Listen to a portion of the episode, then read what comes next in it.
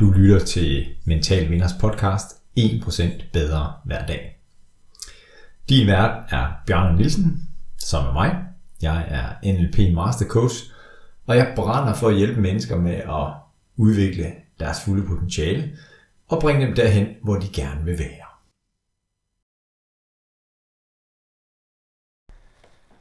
Tid til Mental Vinders podcast, en ny episode.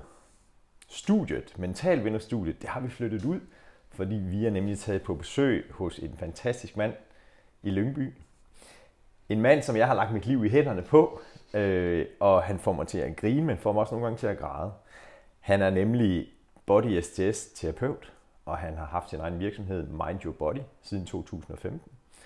Og hvad han ellers vil betegne sig som, det har vi haft en snak om, inden vi går i gang, men han har i hvert fald øh, haft en stor, og har en stor passion for badminton, men også fundet ud af, at der er andre ting i livet, så øh, ultraløb er også blevet en del af hans hverdag, udover at han så også er en kærlig mand og familiefar. Så en rigtig stor velkomst til dig, Toge Hårgaard. Jo tak. Dejligt at måtte være med i det her. Det er virkelig spændende at, at prøve det her format. Og det er godt, fordi jeg glæder mig, og det er også fedt, når du glæder dig.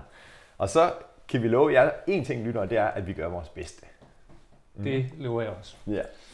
Og Toge, jeg, jeg synes, det kunne være interessant at få dig med, fordi at vi kender hinanden for langt tilbage i forbindelse med badmintonverdenen, og så inden for de seneste, her i 2022 har jeg besøgt dig, øh, hvor du har fået lov til at, at hjælpe mig med at, ikke vil kalde genvinde balancen, eller du kan selv sætte ord på, hvad der er galt med mig, men i hvert fald den her med at, jeg kan sige, være et helt menneske, og det snakker jo rigtig meget ind i det, som jeg snakker med mine gæster om, netop det her med at være en, en mental vinder og være glad i, i dagligdagen, og måske også nogle gange, i hvert fald i mit tilfælde, slippe kontrollen og bare være i det og være i nuet.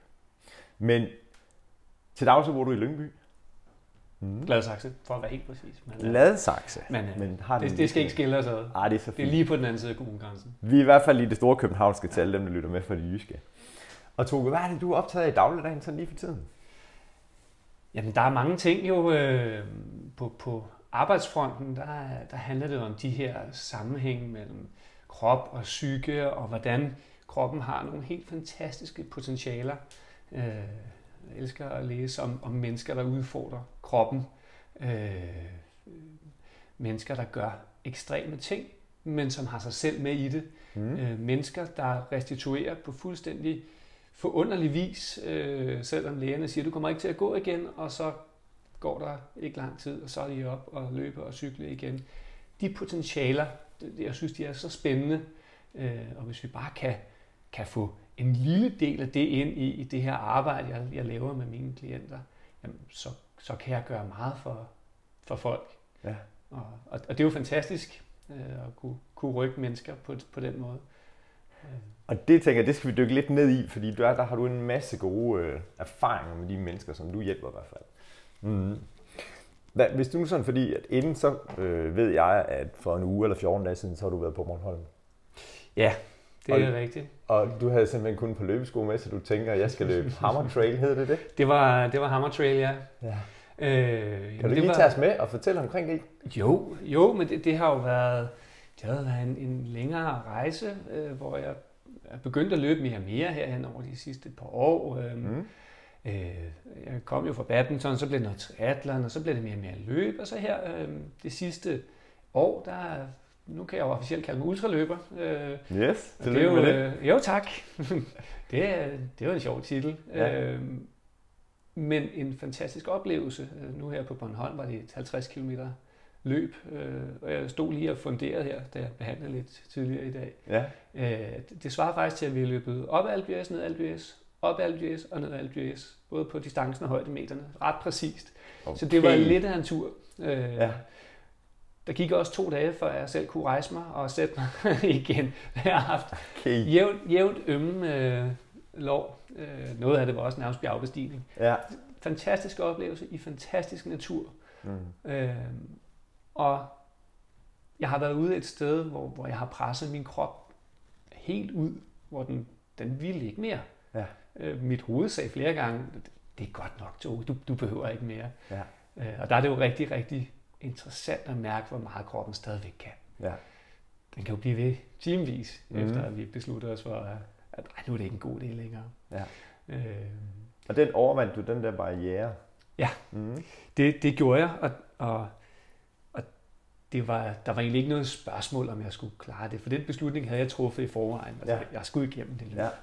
Øh, og så var der også det lille, den lille ting, øh, selvom jeg, inden jeg startede, havde sagt, at jeg skal bare igennem, så lå jeg på en tredje plads. Og der var jo tre trin på det podie, ja. så jeg skulle simpelthen ikke overhales. Nej. Det blev jeg så med en kilometer til mål. Så røg jeg ned på fjerdepladsen. Ja. Øh, og den var hård mental. Øh, men, øh, men hvordan, fordi der var også noget med, at, at øh, du løb forkert et sted, eller hvordan? Ja, det gjorde jeg. Mm. På, det var to omgange af 25 km. På den første omgang, der, der var et sted, hvor jeg overser nogle, nogle flag den ene vej, øh, og så tager jeg den tilbage, hvor jeg kom fra. Ja. Så det kostede en ekstra kilometer. Ja. Øh, og det var egentlig en interessant mental proces at ligge. Øh, jeg løb nummer to, da jeg løber forkert, og så løber jeg ned på 6. pladsen. Og ja. hele den der, det der mindset, jeg lige pludselig, nu skulle jeg løbe mig op, jeg skulle jage nogen, ja. i stedet for at jeg løb mit eget løb, og bare var sådan helt i, i send med mig selv. Og, ja. Så lige pludselig blev det en jagt, og det kom faktisk lidt bag på mig, ja. at, at den blev vækket i mig. Mm-hmm. For det var ikke planen. Jeg havde ikke nogen ambitioner, om jeg skulle blive hverken nummer 1, 2 eller 3. Jeg skulle bare have en fed tur. Ja. Men den øh, vågnede i mig lige med det samme. Ja. Øh, og så lige så stille, så kravlede jeg lidt op og, og, og endte så og med at følges med, med en svensk gut, og, og, og vi hyggede os i 30 km. Ja. øh, så, øh, Som man nu gør, når man er ultraløber. Så. Lige præcis. Og man skal jo øh, slå tiden ihjel med et eller andet, når ja. man er ude i næste 6 timer. Ja. Men det er interessant det her også i forhold til, til temaet her på podcasten, det her med at være mentalt stærk eller mental vinder, og hvad det er, der driver os. Ja. Og netop, at du havde den der erkendelse eller diskussion undervejs, om jeg skal være i det og nyde det, kontra, okay, der er lige nogle pladser her på spil. Ja. Hvordan fandt det sit leje? Altså kom du over den igen, så nu nyd turen, som man nu kan gøre på en 50 km? Eller var det stadigvæk, jeg skal jagte podiepladsen? Jeg kan, jeg kan med sindsro sige, at jeg nød turen hele vejen. Mm. Øh, den er sjov, den for jeg har altid været konkurrencemenneske. Ja. Men det har skiftet karakter. Altså, hvor jeg tidligere i mit liv var en, der bare kunne bide tænderne sammen. Og så skulle jeg bare være den bedste. Mm. Eller i hvert fald komme langt. Ja. Øh, så har det ændret karakter nu. Øh, jeg var også kendt som en virkelig dårlig taber. Øh, ja. og virkelig, ja, der har jeg fået et par par ord med på vejen gennem ja. siderne. Ja. Men det har ændret sig, så nu kan jeg nyde at konkurrere, mm. og så kan jeg tage et nederlag, og så grine af det bagefter. Ja. Fordi selve, selve konkurrencen er egentlig det rigtig fede for mig nu. Ja. Den her, det her drive, der ligger i at konkurrere, det, det fylder jo enormt meget. Øh, den kraft, det er, jo, det er jo en drivkraft ud over alle grænser. Det er det jo for rigtig mange mennesker. Øh, og hvis man kan tøjle den og tæmme den, mm. så den kan drive dig den vej, du rent faktisk ønsker at gå, ja. så er det en, en helt fantastisk kraft, du kan udnytte. Ja. Og det tror jeg, det er der, jeg efterhånden er kommet hen, og jeg nyder, jeg nyder rejsen, jeg nyder konkurrencen, men jeg ved også, hvad det er, jeg vil konkurrere i. Og jeg kan også træde ud af det og sige, det her, det er ikke vigtigt for mig. Mm. Så jeg kan sagtens træde ud af den her, og være middelmodig her. Det gør ikke noget. Ja. Så, så, så det handler meget om det her med, er det vigtigt? Ja. Er det sjovt? Ja. Så skal den da have gas. Ja. Så må vi godt konkurrere, så må det godt være det her spil og, og, og sådan lidt, lidt macho-kamp og hanekamp. Mm. Det må det godt være også. Ja. Men det skal have den rigtige baggrund. Det skal, det skal være de rette motiver, der ligger bag. Ja. Øh, og det tror jeg er den, det er det, der driver mig nu. Mm. Det er glæden i det øh, som jeg har med hele vejen. Ja. Så, øh, så ja, jeg ærede mig så bare pokker, da jeg blev overhældet ja. og røg ned på den fjerde plads, og jeg bandede indvendigt. Ja. Men bagefter var jeg glad og stolt, for jeg gennemførte, som jeg havde sat mig for, ja. øh, og jeg havde brugt mig selv fuldt ud. Jeg kunne ikke have givet mere, Nej. Øh, så, så alt var fuldstændig, som det skulle være. Og så må jeg jo bare komme igen næste år, Nå, okay, og se, om jeg kan relancere det. Ja. Så når vi nu sådan, at du fortæller om den her netop vigtigheden af, af glæden ved det, og tidligere meget fokus på, på resultatet måske, og mere nu her, siger jeg, processen, eller være i det, og mm. være i stand til at kunne gøre det. Hvis du så sådan skulle gå op i helikopterperspektiv, og så kigge tilbage, hvad er det så for nogle Og jeg vil ikke bruge ordet resultater. Jeg vil hellere sige, hvad er det for nogle oplevelser, du ser tilbage på med, med stolthed og have mm. været en del af, eller have opnået? Eller? Ja.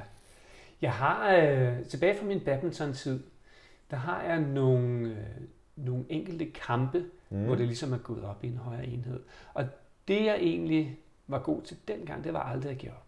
Mm. Det vil sige, de kampe, jeg rent faktisk husker allerbedst, det er nogle af dem, hvor jeg har været fuldstændig nede i sækken. Ja. Øh, kæmpe stort bagud. Tab første sæt, bagud 13-3 i anden. Det var det gamle pointsystem til 15. Til 15, ja. Og komme op og vinde i ombold, og så vinde tredje sæt.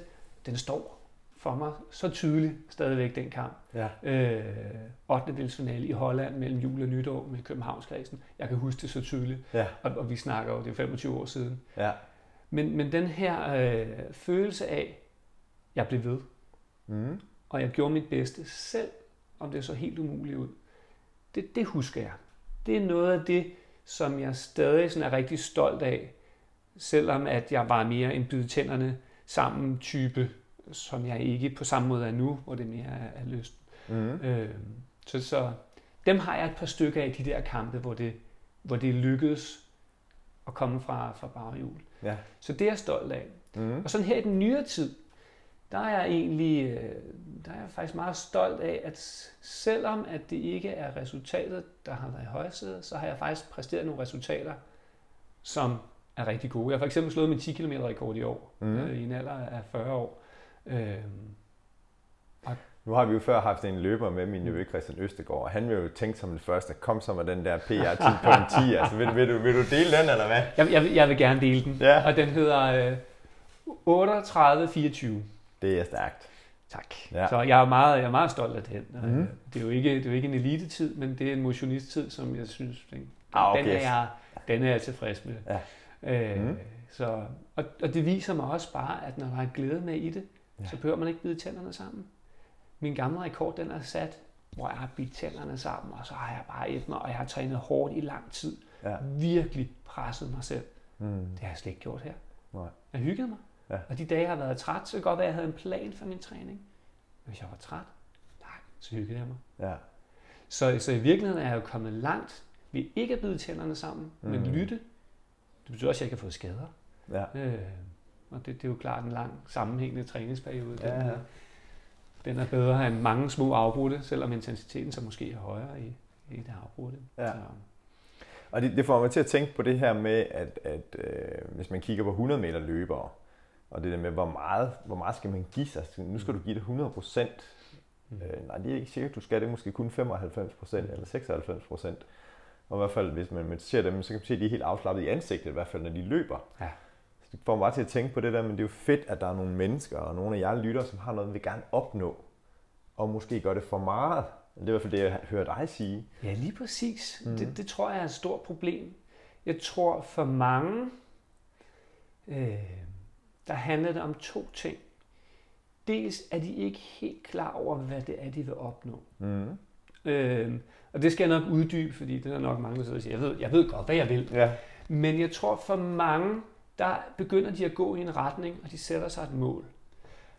Og så klør de på mod det mål. Men hvis det mål ikke er fuldstændig i overensstemmelse med det, vi egentlig føler for, og vores værdisæt er med i det, og, og vi kan mærke det hele vejen, så kæmper vi altså op af et bjerg, som ikke er, er godt at bestige, og du har rigtig lang vej tilbage til, til det rette spor.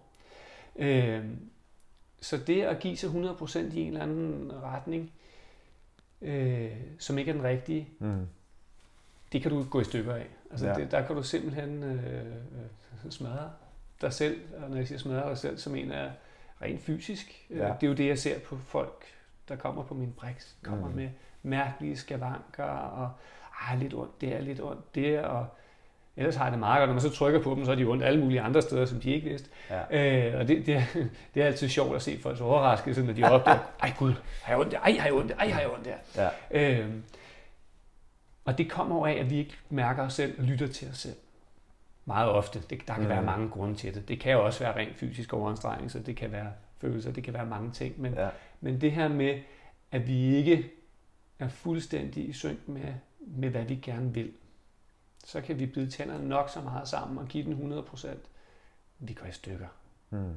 Men hvis vi går den rigtige retning hele tiden, jamen, så kan vi da godt nøjes med at give den 80-90 procent, så kommer vi meget længere i sidste ende, hvis, Ja. det, vil sige, hvis det er resultatet, vi vil opnå. Ja.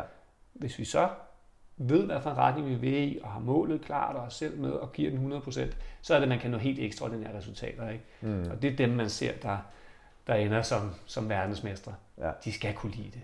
Ja. Øh, ellers så kommer de ikke dertil. Der skal være den her indre drivkraft, Ja. der, der trækker dem med sig. Ellers så skal vi skubbe et eller andet foran os. Det er altså meget nemmere, når vi bliver trukket hen imod noget. Mm. Øh, Det kommer til at tænke på i hvert fald mange mennesker, når man snakker motivation, hvis man sådan kan være så ufin at dele op i to slags motivation, at der kan være noget hen imod motivation, også det man kalder lystbetonet motivation, og så kan der være noget væk fra eller nød. Jeg siger, men jeg dyrker motion, fordi min far han døde af en kredsløbssygdom, da han var Mm. 65. Det er derfor, jeg dyrker motion. mm. Jeg dyrker motion, fordi jeg har hørt om det der Bornholm Hammer Trail, som ham der Toge, han har løbet. det kunne jeg også godt rigtig tænke mig at være en del af.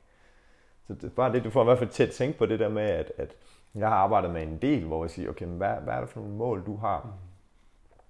Jeg fornemmer, eller prøv selv at få dem til at sætte ord på, er det noget, du gerne vil undgå, der sker? Er det derfor, du gør det? Eller er det noget, du har lyst til at se hen imod, du bliver tiltrukket af det? Hvorfor nogen har sådan en øjne åbne, og siger, okay, men det er egentlig det, der driver mig væk fra mål, Mm. eller det, der driver mig hen imod målet. Men bare den der erkendelse af det. Mm. Jeg kan rigtig godt lide det, du siger. Det får jeg i hvert fald for mig til at tænke over det her med, mm, hvad er det for et fundament, eller hvad er det for nogle værdier, som er vigtige for dig? Fordi de, jeg gentager bare, hvad du siger, du sagde det så fint, men, men det er det, der guider mig i, hvilken retning jeg skal tage Ja. i mit liv. Mm. Og at finde ind til, hvad det er, det er ikke bare lige. Det, det er faktisk svært, og jeg tror, det kræver, øh, det kræver tid og rum, før mm. vi Mhm. begynder at kunne mærke det her. Jeg, jeg ser jo rigtig mange mennesker, som kommer med stress og med angst øh, i min klinik. Mm. Og de kommer der typisk, fordi de er fuldstændig fyldt op. Fyldt op af indtryk. Og vi lever også i en verden, hvor vi bliver bombarderet med indtryk hele tiden. Det er nærmest umuligt ikke at, Mm. at få det. Du sagde det meget sjovt her lige inden vi startede, Bjarne. Ja, og på Grønland der, der det var ikke psykologer og, og alle mulige til at hjælpe. Nej, det var ude på indlandsisen. Og hvad er der der? Der er plads. Mm. Der er stille. Ja. Der sker ingenting lige pludselig. Så begynder vi, hvis vi tager os god tid til at være i det her øh, rum, hvor vi ikke stiller krav til os selv, hvor vi fjerner pres og krav, så begynder vi at mærke det her træk. Mm. Men der skal være plads. Hvis vi er helt fyldt op, hvis vi har kørt på 10 år på arbejde og små børn og karriere, så er vi fyldt op. Mm. Og så ja. kan vi ikke bare lige tømme bæret i løbet af at sige, nu, nu sætter jeg mig lige og mediterer en halv time. Nej, det tager tid. Mm. Så vi bliver nødt til at give os selv plads, øh, også, også i en hverdag. Der skal være plads til ikke at få indtryk. Øh, så vi lige så stille kan, kan tømme det her bær. Og så Det bliver vi vi at kunne mærke trækket. Vi bliver nødt til at sige det igen. Det var rigtig, rigtig godt. Der skal være plads til en hverdag, At der Ikke. er tid og rum, og ikke at lave noget. og ikke at lave noget. Ja. Øh, og den, den, den er svær for mange, fordi der er så mange ting at lave. Ja. Og når der så ikke er noget at lave, så kaster vi os på sofaen og tænder for Netflix. Mm. Øh, og det kan også være dejligt, og det er ikke fordi, man ikke må det. Men indimellem, så skal vi derhen, hvor der ikke sker noget som helst. Mm. Øh, for der begynder kroppen, der sker en masse med nervesystemet, og, og det, det bør vi ikke gå sådan ind i mere, Nej. mere fysiologisk, men, men, men, men når der falder den ro på kroppen, så begynder vi også at afvikle alle de her ting, som vi ikke når at afvikle i løbet af dagen. Mm. Alle de, alle de indtryk, vi får, de skal, de skal behandles i kroppen. Ja. Ja. De skal ud af os. Alle de følelser, vi render rundt med indeni, de skal have lov at komme ind i vores system og ud. Og når jeg siger, at en følelse er i kroppen i maks 30 sekunder, hvis den får lov at passere igennem. Men rigtig mange af os, vi render rundt med den samme følelse inde i os i ugevis, månedsvis, nogle årvis, fordi der er ikke plads til den, der er ikke, der er ikke tid til det der. Det, det må jeg tage mig af på et andet tidspunkt. Mm. Øh, når vi så sætter os ned, så begynder kroppen at bearbejde. Så begynder den at processere alle de her ting. Og med tiden, så bliver bæret tømt. Så er der tomt. Og når der er tomrum i os, så begynder vi at mærke et træk. Og det tror jeg er universelt. Det tror jeg, alle mennesker kan opnå, hvis de tager sig tiden og rummet. Mm. Men det er svært. Det kræver i hvert fald en meget bevidst prioritering af, af vores tid og vores energi. At det er okay at lave ikke noget. Det er okay at trække sig. Det er okay ikke at forholde sig til noget. Det er okay bare at være lige her og nu, i stedet for at lægge planer og hvad vi ellers øh, har gang i. Hvad lytterne ikke kan se, det er, at jeg sidder bare og nikker, gud ja, det er sgu da rigtigt. Og det, nå ja, det gør jeg, og nå gud, skulle jeg gøre sådan, og så videre, så videre, så videre. Tak for det, Toge. øh, vi lader det lige stå et øjeblik. Måske har du, kære lytter, også følt dig ramt her af det her. Det tager 30 sekunder for en følelse at passere. Cirka. Sådan cirka, ja. ja. Kan, kan du lige sige noget mere omkring det? Altså hvis jeg oplever et eller andet uh, ubehag, der var en eller anden, der gjorde noget. Øh... Jo, jo, det kan jeg sagtens. Der er en, der kommer med en kommentar.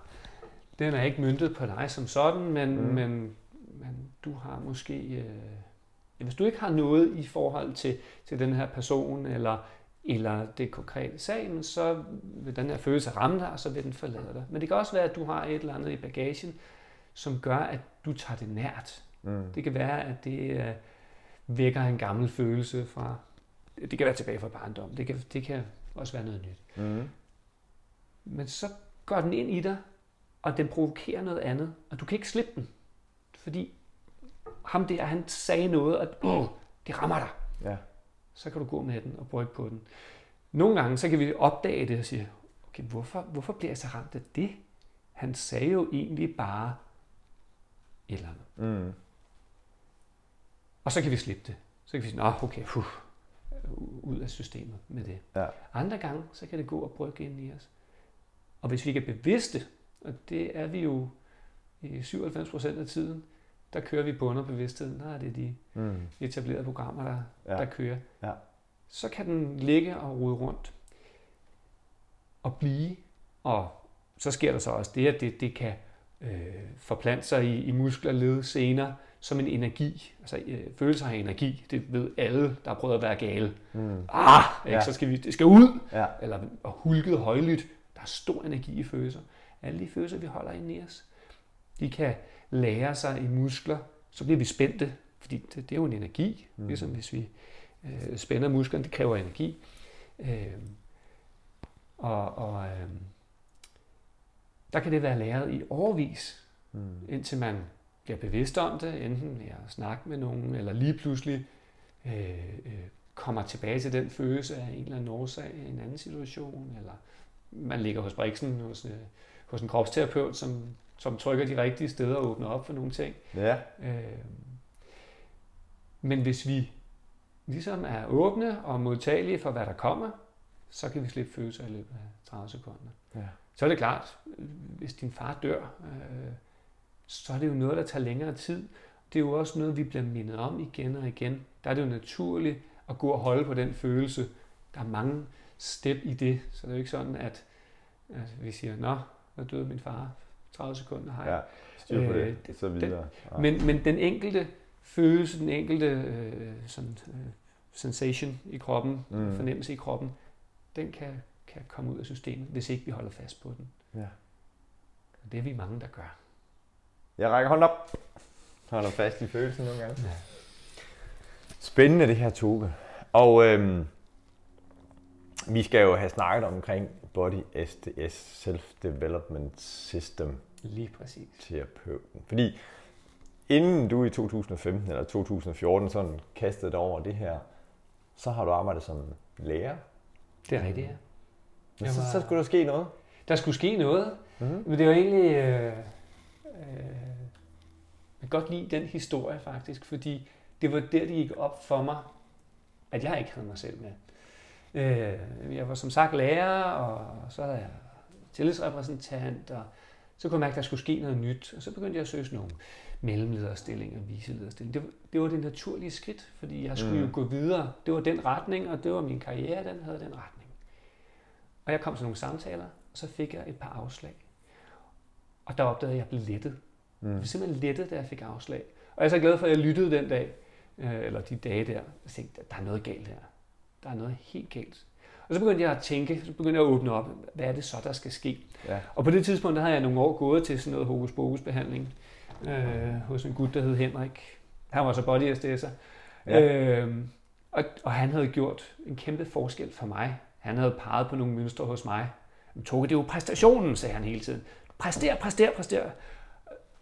Og, og han fik jo ændret min krop fuldstændig, øh, fra jeg altid var skadet, til jeg nærmest aldrig var skadet. Okay. Det var ret interessant, hvad der skete over en, en årrække, hvor jeg gik hos ham, begyndte ja. at ændre mit mindset, øh, blandt andet i forhold til med hele tiden at skulle præstere, og det her med at faktisk turde sige, nej, det her det behøver jeg ikke gøre. Mm. Der er ikke noget burde, jeg, det, jeg skal gøre det, fordi jeg kan lide det.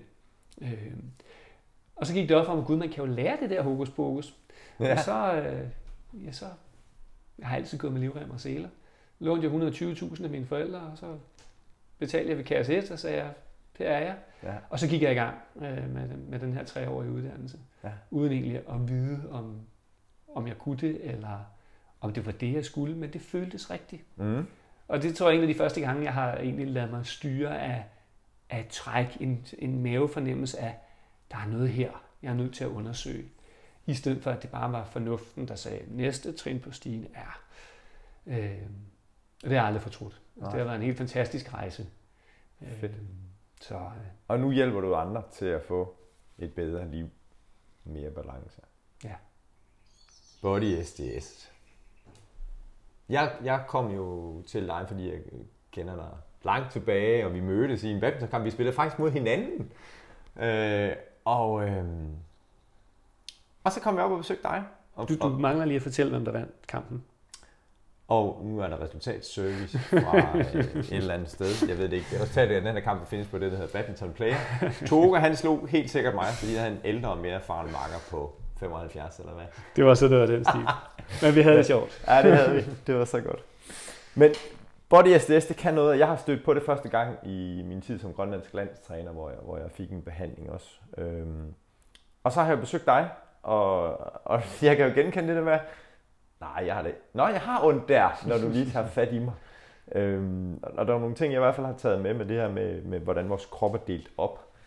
Kan du ikke øh, dele lidt omkring det, og du må gerne bruge mig, så du nu tænker, det, det passer? Det skal jeg nok.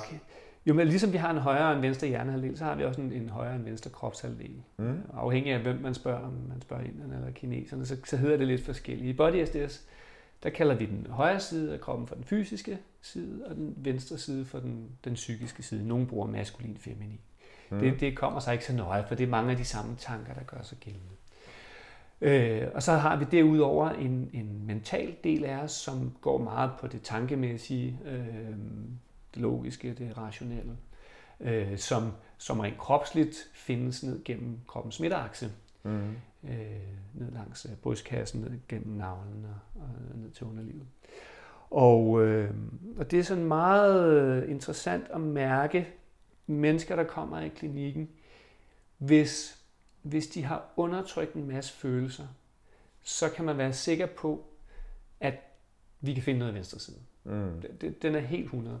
Nogle gør så det, at de bruger det fysiske til at gemme det følelsesmæssige væk. Øh, jeg løber 100 km, for så mærker jeg ikke mine følelser. Det kan det fysiske. Det kan, det kan gemme det psykiske væk fra en stund.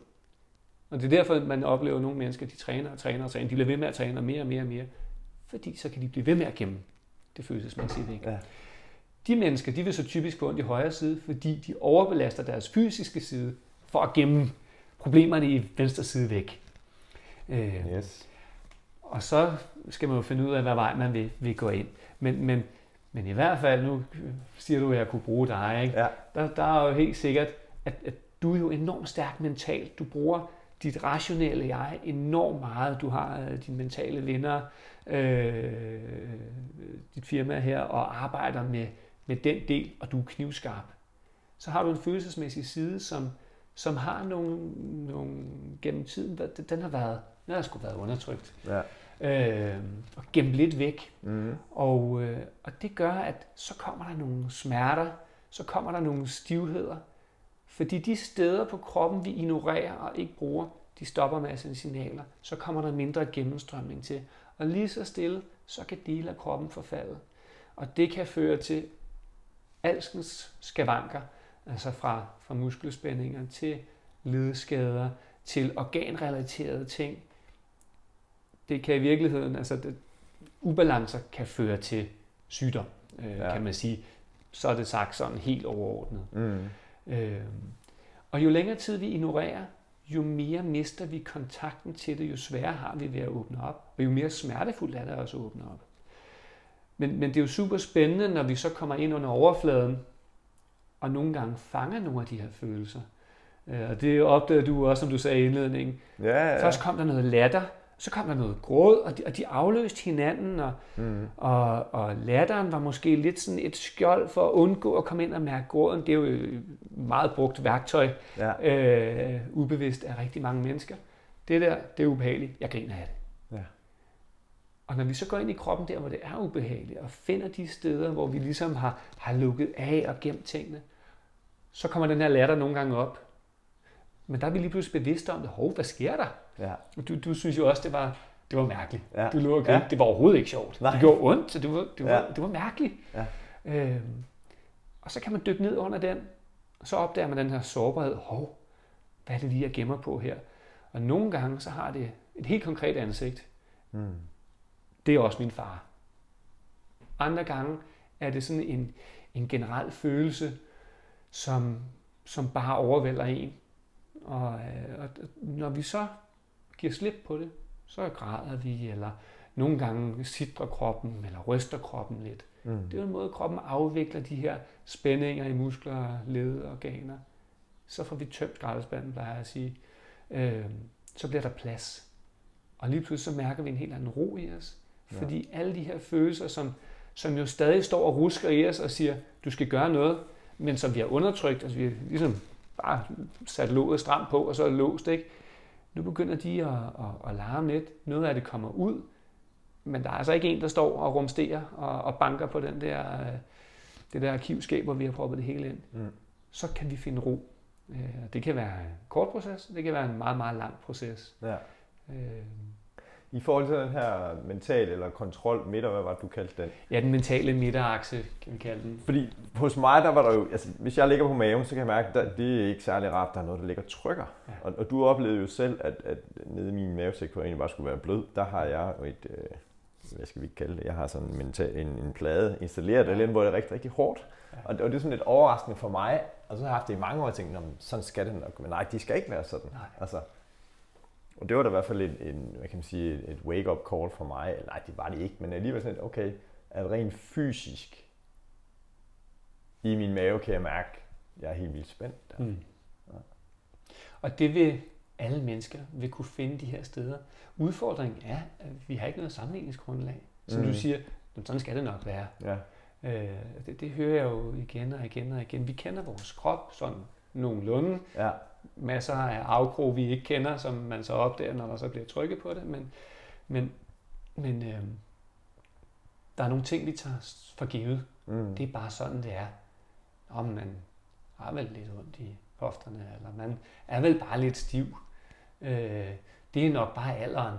Ja. Nej, det er det ikke. Det er ja. klart, at hvis vi, øh, hvis vi er oppe i alderen, så har vi haft flere år til at gemme ting væk. Mm. Men hvis vi er bevidste om det løbende, og løbende får ryddet op i os selv og mærket os selv, så er alderen absolut ikke nogen hindring for at være blød som smør og, og smidig og fleksibel og, og have et rigt indre liv, glæde og, og, og frihedsfølelse. Så, og det er jo interessant, nu siger du, øh, du, du nævner det her spænd, du har ned langs den mentale midterakse. Mm. Og jeg startede med at sige, at du er jo knivskarp mentalt. Men det kan jo så hænge sammen med, at du rent faktisk på mange områder vil sige, har overbrugt dit mentale jeg. Fordi mm. det var der, du var stærk. Det har ligesom kunne skubbe nogle af de andre ting lidt til side. Så, så man kan sige, øh, du har overbrugt det, og derfor får du også nogle, nogle spændinger sådan på det mentale. Ja. Så det er en slags jeg sige, overbelastningsskade ja, eller overtræning, af det mentale, eller, kan du sige, overtræning på ja. den måde. Ikke? Mm. Ja. Øh, jeg har stødt på øh, sådan mange gange i litteraturen forskellige opdelinger af vores, vores krop og sind. Ikke? Altså, vi kører det her fysisk, psykisk, mentalt. Øh, nogle har noget biokemisk ind over. Mm. Nogle samtænker øh, det mentale og det følelsesmæssige. Men fælles for, for alle de her måder at dele det op på, det er, at kan vi finde balance i to af de tre, så vil den tredje lige så stille komme, komme med. Ja. Øh, men det, det synes jeg er sådan en lidt interessant tanke. Kan vi finde ro mentalt og arbejde med vores fysiske krop mm. på en sund måde, så vil vores følelsesmæssige krop meget nemmere kunne give sig. Så vil vi kunne få plads til vores følelser. Hvis vi kan rydde ud i vores følelser øh, og få, få brugt vores, vores fysiske krop godt, jamen, så vil, vil den der tankestrøm, mange mennesker oplever, og de der tankemylder og fremtidstanker og fortidstanker ja, ja. og alt det der, det vil falde til ro. Mm. Øh, så, så det kan være sådan en rar måde at, at anskue det på. Jeg prøver ikke ud op i det hele. Jeg kan, jeg kan nøjes med to tredjedel. Ja, jeg, godt, ja. Og jeg har sådan en sund skeptisk imod, og det illustrerer meget godt det med, at jeg er meget tænkende eller rationel. Mm. Ja, den er god med dig, fordi er du klar over, hvad jeg har prøvet af de her ting, mm. ikke også? Og, og, og hvor jeg så har oplevet i hvert fald, at, at Toge eller du har, okay, vi har fået, fået fra min fysiske side øget, givet noget øget bevægelighed. Mm. Og den der med, når, hvis jeg arbejder på to ud af tre parametre, så sker der noget af sig selv, mm. ubevidst. Øh, det er jo på en eller anden måde tiltalen, eller i hvert fald give det et skud. Mm. En ting, som, som, som jeg ved også, du snakker med, det er det her med, at der er den, den mentale smerte eller oppe i hovedet, og så den fysiske smerte. Mm. Og du, du sagde det selv, da du løb på Bornholm. Kan du ikke prøve lige at sige lidt mere omkring den? Jo, De to. jo det, det, er nemlig det, det er meget interessant. Øh, jeg kan, jeg kan trykke et sted på en krop, og så gør det ondt. Og folk ligger og trækker vejret og slapper fuldstændig. Så kan jeg trykke et andet sted, og jeg kan mærke, at det sted det er ikke halvt så spændt. Men de stopper med at trække vejret. Hele kroppen spænder op, og der er fuldstændig og totalt aldeles alarmberedskab i hele deres krop. Mm. Det er ikke en fysisk smerte. Det er en mental, følelsesmæssig smerte, der, der, der træder ind. Og når man begynder at skille de to ting ad, så jeg kan trykke ned, det kan være, at jeg trykker ned i, under tarmen ned til psoasmusklen, som, som meget tit er, er spændt på, på, på mange mennesker. Så prøver jeg at bede dem om at lægge mærke til, hvad er rent fysisk smerte her? Og hvad er, nu siger jeg bare, jeg vil lige vil sige bare, for det er ikke bare. Øh, hvad, er, hvad er den følelsesmæssige, mentale ting? Hvad er det? Hvor meget af det er bare kroppen, der siger, nej, jeg har faktisk overhovedet ikke lyst til, at du rører mig der. Mm. Og når vi kommer ind de steder, hvor kroppen bare ikke har lyst til at blive rørt, så ved vi, at vi har fat i noget, hvor der er noget på spil som ikke bare er fysisk. Så ved vi, at hvis vi kan komme ned her, så kan vi få kroppen til at slippe noget følelsesmæssigt, mentalt, mm. øh, som vi går og holder på. Og det er faktisk det er en relativt nem ting at gøre, mm. hvis man bruger sin vejrtrækning. Der er jo meget vejrtrækning i body SDS, så man ja. skal ind og mærke, skabe ro gennem vejrtrækningen. Når du skiller de to ting ad, så bliver det lige pludselig meget, meget nemmere at være med en smerte den kan være, det kan være helt rart. Det tror jeg også, du kan ikke genkende mm. til. En smerte kan være decideret rar. Jeg har faktisk bare lyst til, at du bliver her. Ah, få det til at slippe, få det til at slappe af. Men når kroppen har modstand på, så kan det være det værste i hele verden. Mm. Øh, selvom det virkelig ikke gør særlig ondt. Øh, for min eget vedkommende, der er det især min venstre lyske. Jeg, jeg, og, og vi snakker, jeg har arbejdet med den lyske i, i 10 år. Ja. Og det, det er blevet meget bedre. Men, men, men der, kan jeg, der kan jeg gå helt i panik, når nogen masser den sammen. Og der skal jeg virkelig sådan øh, arbejde dybt med mig selv. Og sige, okay, men den, jeg ved, den ikke går i stykker. Der tager lige den mentale ting mm-hmm. ind. Så prøver jeg lige at mærke, hvor ondt gør det. Gud, det, det gør jo ikke vildt ondt. Altså, du har lige trykket et andet, så det gør meget mere ondt. Okay, nu, nu prøver jeg lige at være i det. Og ja. så sker der tit nogle, nogle ting og sager. Ja. Det er der, jeg tager mine tudeture, når jeg får behandling. Det er altid, altid der ja. Øh, i det område. Det er, det er meget interessant. Det er vildt interessant, ja. Så, så det var lige et indblik i din verden og Body SDS'en, som, øh, som jeg i hvert fald er i gang. Vi er, vi er i gang med at, nu siger jeg fik så meget, det lyder forkert, men jeg skal selv gøre noget arbejde, men i hvert fald i, i proces her. Mm. Hvis vi nu sådan skal løfte os lidt op i sådan et helikopterperspektiv, og du har allerede gjort det lidt, men sådan lidt at sige, jeg har nogle faste spørgsmål her i podcasten. Sige, hvis du sådan skal prøve at definere, hvad er en, en mental vinder, eller et menneske med mentalt stærk mindset, og nu ved vi jo, at du svarer forhåbentlig med body SDS-brillerne på, at vi er jo ikke bare mentalt, vi er det hele. Men hvis du skulle sætte ord på det, hvordan vil det så lyde? Ja, og det er lige præcis det, du siger der.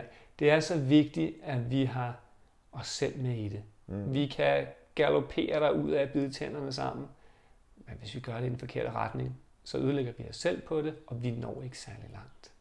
Så kan vi finde det rigtige mål? Kan vi have os selv med værdimæssigt og følelsesmæssigt. Og så ellers have et positivt mindset, øh, mm. som jo også er enormt vigtigt. Bekræfte os selv i, i, i, at vi er dygtige og gode. Og, så alle de her øh, hvad jeg sige, mere tankemæssige øh, teknikker, som, mm. som du også øh, fortæller meget om i mange af de andre podcasts, så kan vi nå rigtig langt. Men vi skal have os selv med i det. Vi skal turde mærke, hvor vi er. Og så skal vi ture, øh, vi skal ture tage et skridt tilbage, hvis det er for hårdt. Fordi vi får ikke noget af det, hvis vi går over grænsen. Så kan vi ødelægge os selv. Mm. Så det her, som, som jeg nævnte tidligere med, jeg har en plan, en plan for min træning, men jeg er der ikke i dag. Ved du hvad? Så skal det være en rar træning. Så når jeg længere, end hvis jeg byder tænden sammen og presser mig. Så jeg tror, ja. at, at det, øh, det handler om nogle gange at ture, tage et skridt tilbage og sige, mm, ikke videre lige nu, for nu skal jeg have mig selv med. Øh, og så ellers øh, ja, kunne, kunne have det rigtige mindset øh, omkring, at, at jeg kan, og jeg vil, og, og øh, så, så tror jeg, vi kan komme langt. Altså, mm. ved at vi kan komme langt. Ja. Jeg kommer til at tænke på øh, Mikkel Liebmann Drescher. Kender ja. du ham?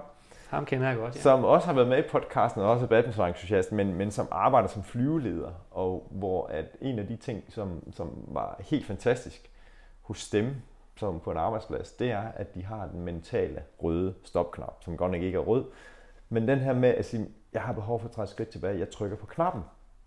Altså, jeg får bare til at tænke på, fordi den, den ansvarlige medarbejder, der er på arbejdspladsen, og med det, jeg hører dig sige, hvis, hvis der er nogen af lytterne, der gerne vil være mere mentalt vinder på arbejde, så jeg kan ikke mere nu her.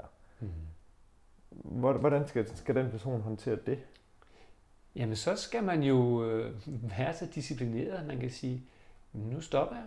Mm. Og det kan være, at man underkøbet går hjem før tid. Ja. Det er jo, uha, kan man det? Ja.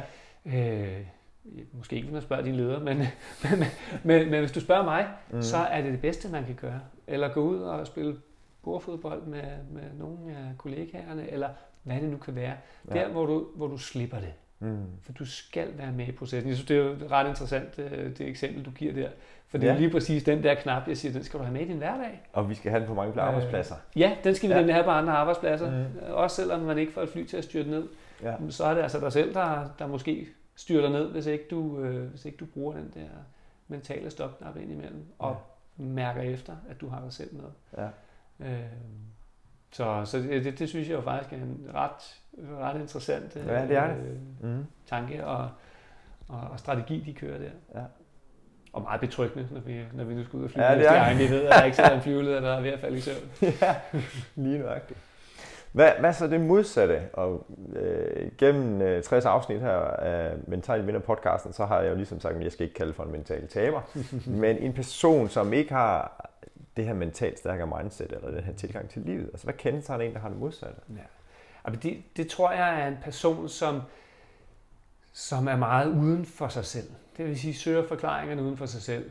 Ja, men det var også, øh, lyset var, var lidt mærkeligt i dag, og ej, ej det, det, morgenmaden var sgu ikke så god. Og det der med, at man hele tiden sådan søger et eller andet eksternt, noget man lige kan hive ind som en forklaring, en undskyldning. Mm. Fordi det, det eneste, vi har, det er os selv. Mm. Vi, kan, vi kan ikke ændre på, på alt det udenom. Det, det er ligegyldigt. Ja. Så vi er nødt til at forholde os til os selv.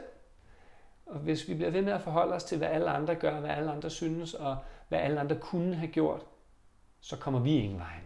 Mm så bliver vi øh, en kastebold i et eller andet cirkus, hvor, hvor det er, hvad andre gør, der, der afgør, hvordan vi har det.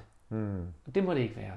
Vi skal selv afgøre, hvordan vi har det. Øh, og det snakker jo så meget godt ind i netop det her med, at jeg kender mine værdier, og jeg ved, hvilken retning mit liv skal tage. Ja. Så bliver det også meget mere hen imod lystbetonet. Mm. Jeg behøver ikke gøre så meget umage. Det falder naturligt. Ja. Mm. Og vi når længere i sidste ende, fordi vi går den rigtige vej. Ja. Det er så dumt at gå den forkerte vej, hvis vi, øh, hvis vi har et eller andet mål, som vi bare ikke er klar over, vi, vi, vi dybest set har. Ja. Så, øhm, ja. så jeg tror, det handler meget om at være inde i sig selv og, og være tro mod både følelser, mental øh, mindset den rigtige vej, og så øh, ignorere alle de der udenomsting, øh, undskyldninger og kollegaer, der har gjort dit og datten og dutten, og alle de ting, mm. dem skal vi ignorere. Det er ligegyldigheder. Det kan vi ikke bruge til noget i virkeligheden. Vi kan forholde os til dem, men, men vi skal ikke lade os gå på af dem, eller bruge det som forklaringer, hvis vi vil noget. Ja. Stærkt. Vi bliver oppe i helikopteren.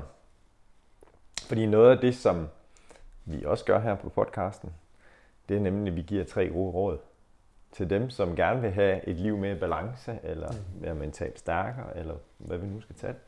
Og jeg synes allerede, du har gjort det, men nu får du lov sådan lidt at, kode dem lidt sammen og sige, hvad, hvad, hvad er det så, jeg som måske synes, holdt op, jeg er meget på min tallerken, og jeg gør så meget på arbejde, men alligevel har min chef større krav til mig, mm. og ej, jeg fik ikke lige vasket vinduer, eller det med børnene, eller hvad det nu kunne være. Altså, tre gode råd til dem, der gerne vil have mere. Ja, jeg tror, altså, det, det første, det, det må være det, jeg har sagt flere gange, det her med, du skal tage tid og rum til dig selv. Du er nødt til at, at, at kunne mærke dig selv, hvis du, hvis du skal vide, hvad vej du skal gå. Mm. Så skal du rydde op. Du skal, du skal ture og kigge tilbage, hvis du har en masse med i bagagen. Hvis vi slipper rundt på bagagen hele livet, så bliver det et tungt liv. Så jeg, jeg synes, øh, en opfordring til at ture og rydde op, øh, om det er med en psykolog eller med en body eller hvad der nu er det rigtige for, for den enkelte. Mm. Det kan være på mange måder. Men at se tingene i øjnene og, og, og, øh, og tage sig af de følelser, der, som mange mennesker render rundt med. Ja. Øh, Må jeg lige spørge ind til den første, med at tage dig tid, fordi at, at den anden er netop at, at søge hjælp hos en god ven eller mm. veninde, eller vi har taget til Grønland, eller mm. besøge dig, eller psykolog, eller coach, eller parterapeut, eller hvad det nu kunne være. Den der med at tage tid, hvis jeg nu sådan, jeg vil gerne prøve at starte i det små. Mm. Hvad, hvad, hvad er det så første skridt, hvis jeg siger, jamen, jeg, i næste uge, så vil jeg gøre noget ved det, eller hvad? Ja. Gå en tur ud i skoven. Tag en halv time og gå en tur i skoven. Mm. Øh, der sker noget, når vi kommer ud i naturen. Hele vores nervesystem, det, det, det lander lige. Ja. Øh, og, og, øh, og så begynder der at ske nogle andre. Det er nogle helt andre processer, der sker, når vi, når vi bevæger os i det parasympatiske, øh, på det parasympatiske nervesystem, og når vi er oppe i, i det sympatiske kampflugtsystem, mm. som vi er rigtig meget af vores hverdag, fordi vi hele tiden har ting, vi skal forholde os til, og ja. ting, vi skal løse, ting, vi skal klare. Mm. Øh, så det kunne være naturen, er et fantastisk sted at gøre det. Men det kan, også, det kan egentlig også være at sætte sig, finde et, et, et rum i, sit hjem, mm. som man indretter på en rar måde, så man ved, her, der kan jeg sætte mig, og det her sted associerer jeg med ro og noget rart. Om det er sofaen, eller om det er et hjørne i soveværelset, eller nogen kan være så privilegerede, at de har et helt rum, de kan indrette mm. til, ja. til meditationsrum, eller, eller hvad det kunne være. Det ja. behøver ikke være meditation, det kan være mange andre ting. Ja. Men finde et sted, der, der får nervesystemet til at falde til ro, og, og bliver associeret med, med rart, noget rart og noget, noget stille, noget ikke krav. Mm. Ja.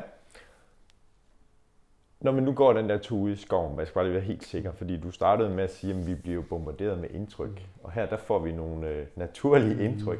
Så, så den der mobiltelefon eller håndholdte computer, som jeg kalder, hvad, er, er den med på den tur, eller er den slukket, eller hvordan? Eller? Den må gerne være slukket. Det, det vil være en god idé. Ja. Øh, mm. For den kalder jo på os. Den, øh, ja, i hvert fald hos noget. Det, ja.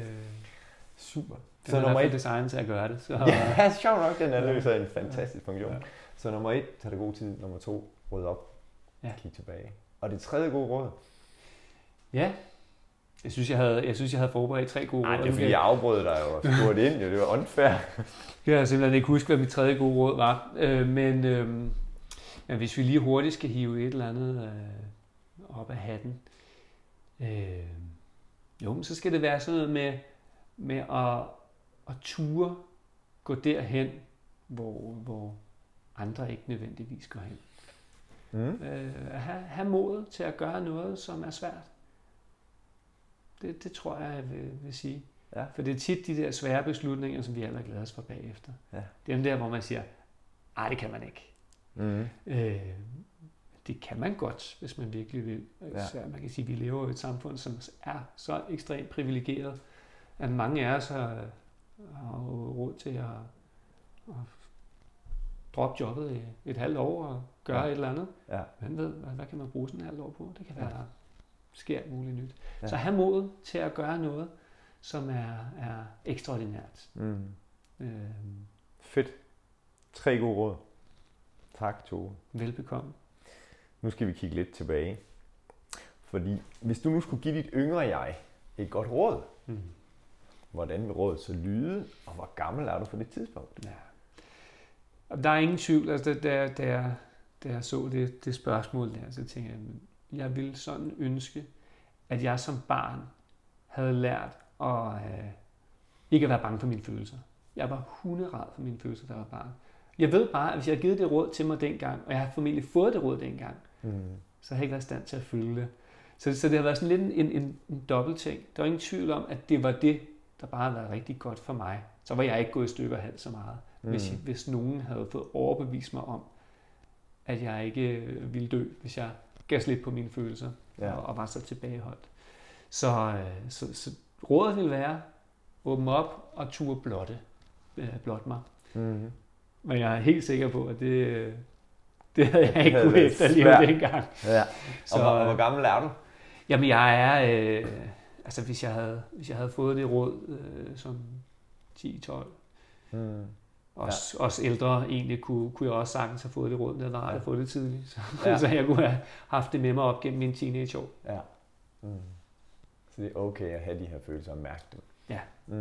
Ja. Det er det. Det var så et råd til dit yngre jeg, Tove. Ja. Ja. Og jeg er jo lidt nysgerrig på, og det tror jeg også lytterne er, hvis du nu skal give et råd til dit ældre jeg, hvordan lyder rådet, og hvilken alder har du, når rådet det bliver relevant? Og det kan jo måske allerede i morgen, det ved jeg ikke, men, øh, eller om nogle år.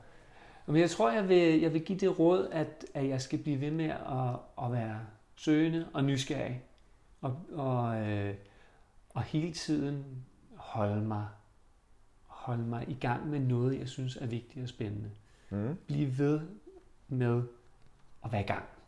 Ja. Det, det, det tror jeg, og det, og det er et råd til, til den, den 70 år. Altså det er efter pensionsalderen, ikke? Det, er, Ja. det, det er der, hvor der ligesom sker et eller andet, øh, hvor man måske kan glide lidt hen i, Nå ja, nu Mm. slapper vi af. Ja.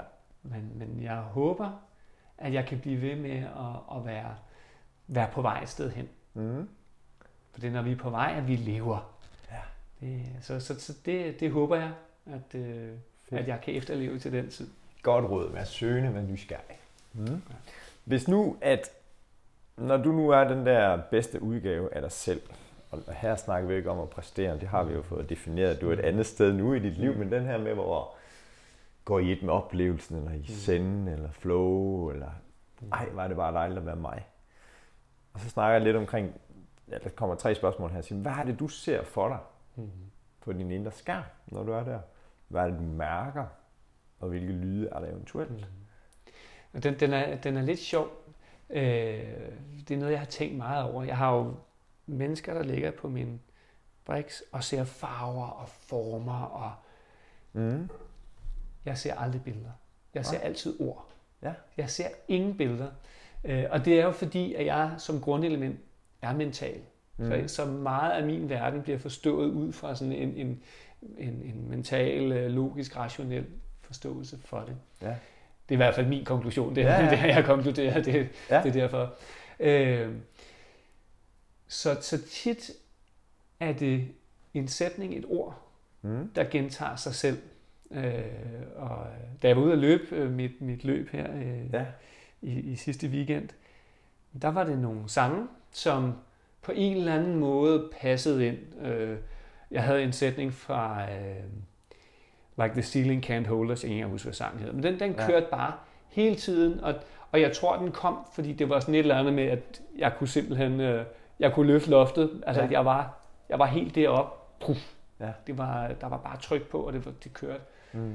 Så derfor tror jeg, at den kom. Jeg ved ikke, den, den poppede bare op. Ja. Mm. Så tit så kører der sådan en enkelt linje fra en sang, ja. og den kan bare køre i loop. Ja. Og nogle gange, så stopper jeg mig selv og siger, "Ej, nu tænker du lige på noget andet, fordi det kan Ja. næsten blive irriterende nogle gange. Mm. Men, men øh, det så- sker tit, når jeg er i det her flow-tilstand. Ikke? Ja. Og så ser du teksten, ordene for dig. Øh, nogle gange, synger jeg dem, Mm. så, så kører den bare. Andre gange, så ser jeg ordene. Ja. Øhm, så det, det, det kan være lidt forskelligt. Mm. Hvad mærker du så? undskyld. Bare. Ja, og så til den anden der med at mærke. Jeg mærker en, en, sådan en, en, en styrke i mig. Mm. Altså, jeg, har- jeg har den her, ja sgu, hold Ja. kæft, jeg kan, mand. Ja. Ja. Øh, den er fed. Det er Ja. sådan en, øh, der har noget, sådan noget råt, øh, lidt maskulint, og det, Mm. det, den er fed at komme ind i. Ja. Øh, Og hvor mærker du den hen i kroppen? Ja, den, den sidder i bryster i, i, i sådan en tarmregion. Den, den sådan fylder hele, hele overkroppen. Ja. Øh, og nogle gange kan den sådan kryve ud i armene, så kan jeg sådan, uh, få sådan en helt øh, det er sådan en bølge ud i armen. Den, øh, det er sådan en ret fed følelse. Wow, det er en energi, der bevæger sig i min krop. Ja. Og det understreger det, du siger, det der med følelser, at der, der er energi i dem og bevægelse. Ja. ja. Der er helt sikkert noget, der, der bobler og bevæger Ja. sig ind i mig. Den, Ja. ja. det er helt sikkert. Der er liv i mig. Ja. Øh, Så det var sådan en præstations... Nu siger jeg, jeg siger præstationskontekst, der må du jo rette mig, hvis det er forkert. Fordi jeg, jeg tænker også den her med som interessant, at, at øh, den leder, som skal holde et oplæg for sine 100 medarbejdere, eller fyringsrunder, eller der kan være nogle andre svære situationer. Fordi har du også sådan, når, når nu du skal behandle, har du så også, øh, for at være den bedste udgave af dig selv, hvad er det så for en, en, en toge, eller hvordan, hvad ser du så for dig, når du skal ind og virkelig gøre en forskel? når jeg, Det er, nemt, det er nok ikke den samme. Nej, det, det, er ikke, det er ikke den samme. Nej. Jeg prøver altid at, at, at skabe en energi i mig selv. Mm. Altså at mærke ind i mig selv øh, og lige fornemme, hvor er jeg? Fordi det betyder meget for, hvordan jeg mærker den person, der ligger på briksen. Ja. Øh, så gør jeg meget ud af at være lige i nuet. Mm. Altså her og nu, og det er jo også en, en typisk flow-ting, det her med, vi er her. Ja. Øh, og, og, øh, og jeg ville da lyve, hvis jeg sagde, at jeg ikke faldt ud af den, når jeg står og behandler øh, indimellem. Men der handler det meget om hele tiden at guide mig tilbage. Mm. Sanse. Jeg er meget sansende. Øh, nogle gange står jeg og behandler med lukkede øjne, fordi så mærker mine hænder nogle andre ting. Ja. Jeg fornemmer nogle helt andre øh, energier i kroppen, øh, spændingstilstande og alt sådan noget. Ja. Så kom ind i nuet ved at sanse. Mm. Øh, vil jeg sige. Det, det, er meget, det er meget der, jeg laver de bedste behandlinger, Ja. øh, når, jeg, når jeg opnår det. Så når du beskriver det for mig nu her, så tænker jeg, at du har også set, om jeg kan godt, så dukker der sikkert nogle behandlinger op, hvor du har været der. Er det rigtigt, eller hvordan? Altså, nå, den der behandling, det var bare, der kunne jeg virkelig sanse noget, som... Jeg har, jeg har flere behandlinger, kan man sige, og typisk er det jo der, hvor der, hvor der sker en, en, en stor reaktion i, i den krop, øh, mm. jeg arbejder med, den person, jeg arbejder med.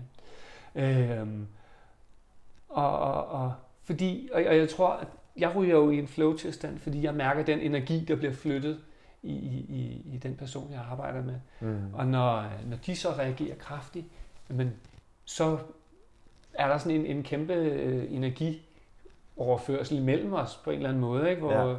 jeg ved bare, hvor jeg skal hen. Ja. Nu skal jeg, jeg skal blive her lidt, og så skal jeg herover, så skal jeg herover. Ja. Og det er ikke noget, jeg tænker over, men, Nej. men det gør jeg bare. Øh, Og jeg tænker også, det er dine talenter, fordi jeg føler mig så gode hænder, når, når jeg lægger mig på Brixen hos dig, at, at der kan du bare nogle ting, som det ikke alle, der kan. Altså mærke og fornemme de her ting. Ja, men det er jo dejligt at høre. Ja. Øh, og jeg bilder mig også ind, at, at, at det, det kan jeg. Ja. Nogle gange tænker jeg, jeg har aldrig været musikalsk. Jeg har heldigvis en musikalsk kone, og den der måde, hun nogle gange sådan kan, bare kan falde ind i en rytme og mærke en musik. Jeg tænker, det er måske lidt det samme. Mm. Puh, man falder ind i noget, og, og så kroppen arbejder bare af sig selv rundt. Ja. Det er en ret fed følelse. Øhm, Spændende.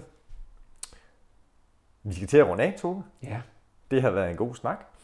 Og øh, der er lige et par spørgsmål her til sidst. Fordi, hvem kunne du godt tænke dig, at der skulle inviteres ind i Mentalvinderstudiet til en snak om blive mentalt stærkere, eller være i balance, eller i synk, som du også har sagt? Mhm. Mm. Det er et rigtig godt spørgsmål, og jeg sad, jeg sad faktisk længe og tænkte over det i går. Øh, jeg tænkte, er der nogen i mit netværk og sådan noget? Men jeg, jeg valgte faktisk en, jeg overhovedet ikke kender, Mm. som, som jeg egentlig synes er lidt interessant. Øh, en kvinde, der hedder Annette Fredsted, ja. som løb 366 marathons på 365 dage. Og årsagen var, at øh, hun fik at vide af sin læge, jeg tror hun havde fået et skleroseanfald eller flere, du kommer ikke til at løbe igen. Og så sagde hun, nej fandme, det skal da være løgn. Ja. Og så fik hun lavet det her projekt og, og skabt noget opmærksomhed omkring, og så løb hun 365 dage i træ, og den sidste dag løb hun, løb hun så to maratonløb. Øh, og hun blev Sådan. Sådan. fuldt undervejs af, af læge, som målte på, på hendes sådan, øh, rent øh, objektive parametre, sundhedsparametre. Ja. Og hun blev kun bedre og stærkere og alt muligt andet. Så jeg synes bare, det var, jeg fulgte hende lidt øh, undervejs i Ja. processen. Jeg synes, det var en fed historie. Hun bor på Fyn. Er det rigtigt? Ja, det tror jeg faktisk, du har ret i. Ja. Øh, Så jeg har stødt på hende og set hende på tv, og det er en fantastisk historie. Ja. Annette Fredsted. det, var, det var et bud i hvert fald. Ja, rigtig, rigtig godt. Hende skal vi have fat i. Toge, vi kunne have fortsat den her snak lang tid nu. Det kunne vi Men sagtens. nu skal du have lov til at runde af, fordi hvis der er nu noget, som du ikke har fået sagt, som tænker, det her, det skal lytterne lige have med på falderæbet. Uh, ja. Det er jo en stor ting. Øh, jeg tror faktisk, vi har været, vi har været rundt om det meste. Mm. Øh, jeg, jeg tror, at, at det, de afsluttende ord, det skal være, at rum og tid og turde mærke, hvordan vi reelt har det. Og jeg tror, det er en, det er en, det er en samfundsting, at vi, øh, vi skal skabe mere tid. Ja. Det gælder de unge i skolerne, som bare pacer afsted, og det gælder karriereræset med børn, og vi skal yes. have noget tid og rum. Ja. Og åndedrættet, jeg tænker, at du, har, du, du kunne godt lige slå et slag for det der med åndedrættet. Kunne du ikke det? Det kunne jeg da godt. Nu Fordi jeg at, at, sige jeg har selv sådan, at, ja, sig lige 10 sekunder om det, eller hvad kan du sige om det? Ja, altså åndedrættet er i virkeligheden vores, vores bedste værktøj til at skabe øh, kontakt til vores underbevidsthed. Det er åndedrættet, der kan, der kan gøre, at vi kan øh, med, med, med en bevidst indsats skifte fra at være helt op at køre på det sympatiske og være på, til at falde helt ned på det parasympatiske og slappe af. Det er sådan, indåndingen den bygger spænding op i kroppen. Når vi er rigtig meget indånding, holder vejret, så er vi på, så er vi knivskarpe. Vi har et snævert fokus. Mm. Når vi er rigtig meget udånding, ah, kan slippe. Når vi stopper vejrtrækning efter udåndingen, så ryger vi helt ned, hvor vi har et, et meget bredere perspektiv, Mm. der er meget mere ro på. Og på den måde, der kan vi faktisk med en bevidst vejrtrækning arbejde ind i forskellige tilstande i vores krop. Vi kan køre os op, hvis vi skal præstere noget. Mm. Vi kan køre os ned. Det er det, de fleste mennesker har brug for det meste af tiden. Ja. Vi er kørt ned, når, når der er brug for det. Så at lære at trække vejret helt ned i, i, i, i, i buen, så vi bruger mellemgulvet. Mm. At gøre det langsomt. Det er et fantastisk værktøj at have med sig. Og der er begyndt at komme mere og mere forskning frem omkring vigtigheden i at trække vejret. Og der er noget med sådan et optimalt antal indåndinger, man skal lave på et minut. Er det rigtigt? Man har lavet noget forskning, Mhm. mm-hmm. øh, som i øvrigt bliver fuldstændig underbygget af, af religiøs praksis. Øh, når man kigger på bønder og, og, og forskellige chante på tværs af religioner, Mm. mm. så har de en, en rytme, som hedder 5,5 sekunds, hvor du siger noget, 5,5 sekunds pause, hvor du, hvor du trækker luft ind. Mm. Og det giver øh, samlet set øh, 11 sekunder per åndedrætscyklus og 5 vejrtrækninger i minuttet. Og det man nu har fundet ud af i forskningen, det er, at med, med den åndedrætscyklus, hvor indånding og udåndingsfase er præcis lige lange, Mm. og er i det her tempo, cirka 5,5 åndedræt i minuttet, der falder hjernefrekvensen øh, til et niveau, som, som faktisk svarer til, øh, til et drømmestadie. Og det er jo interessant, hvis man tager det religiøse perspektiv med, Ja. at det er jo i de her tilstande, når vi drømmer, at vi ser billeder, og, og vores, vores sanseapparat ændrer sig jo markant. Vi oplever nogle helt andre ting. Og så er der nogen, der vil sige, jamen det er jo ikke virkelighed. Ja, eller også er det bare en, en sansning, som vi rent faktisk har skubbet bort i vores del af verden. Mm. Måske er den lige så virkelig øh, som, som det andet. Det er i hvert fald interessant, at, at vi kan ved at dykke derned, så kan vi, øh, så kan vi skabe en helt anden frekvens på vores, på vores hjernebølger. På hjernebølgerne, ja. Øh, Så, kære lytter, husk at trække vejret lidt mere bevidst, måske. Og hvis man optager det, så kan man lytte til en af vores tidligere podcasts, nemlig Juro, som har været med, som arbejder med det her med bevidst kropsbevægelse, men også med åndedrættet. Toge, det har været en fornøjelse at have dig med. det har været en fornøjelse at være med. Tak, fordi du gad at inspirere os, der lytter med. Og dig, kære lytter, Har du været i godt selskab, så husk at dele den her podcast med nogen, som måske trænger til at trække vejret på en ny måde, eller måske skal de ind på Toges Brix. Øh, du kan finde ham på Toge Hovgård med to r.dk. Og øh, ellers så håber jeg, vi høres ved i næste uge. Husk at abonnere eller følg podcasten her, hvis du ikke allerede gør det. Ha' det helt fantastisk. Vi høres ved.